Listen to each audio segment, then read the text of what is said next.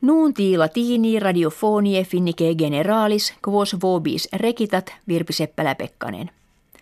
Presidens finnie Sauli Niinistö die martis Moskue presidentem Vladimirum Putin convenit.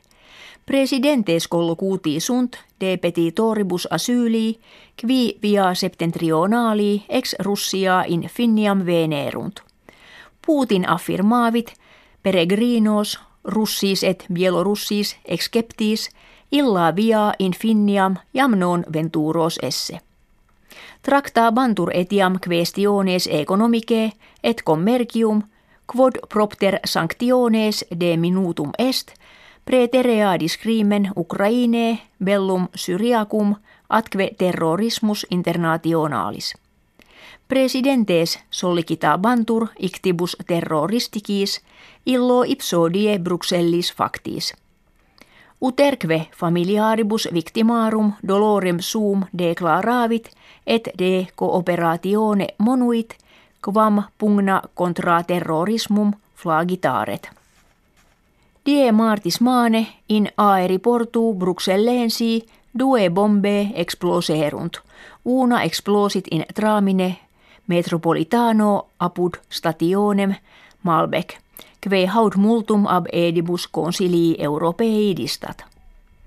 Unus et triginta homines perierunt numerus vulneratorum ducentos septuaginta superat. Ut ramkive stragem ordo isis sibi vindicat.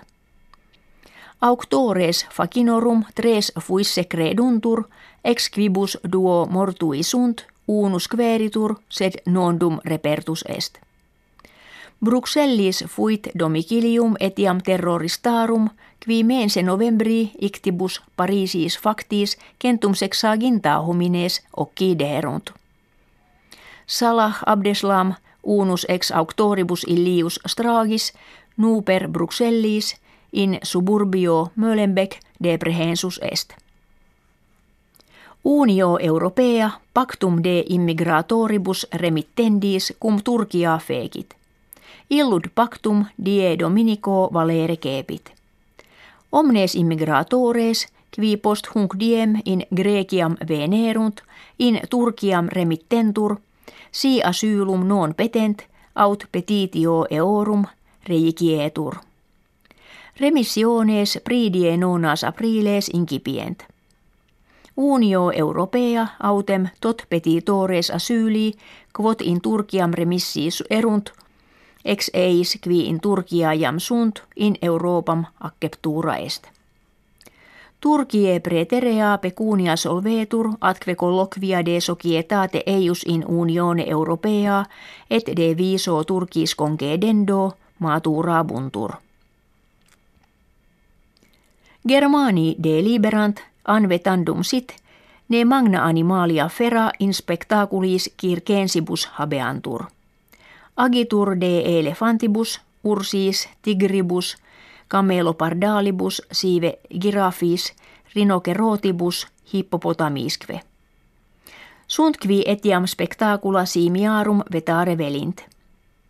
Propositum de his spectaculis vetandis – a tribus civitatibus federatis ad moderatores Germaniae relatum est. In Japonia institutum meteorologicum previsiones divulgat quo modo e flores kentia kerasorum ex meridie ad septentrionem progrediatur. Die sabbati nuntiatum est – aliquot kerasos in insulis Japonie principalibus jam florere, quod maturius fit quam assolet. Apud Japones, mos est ad flores kerasi spectandos sub arbores congregari diem vernalem celebrantes. Fine nuntiorum ita facto, auscultatoribus gratias agimus et valedigimus.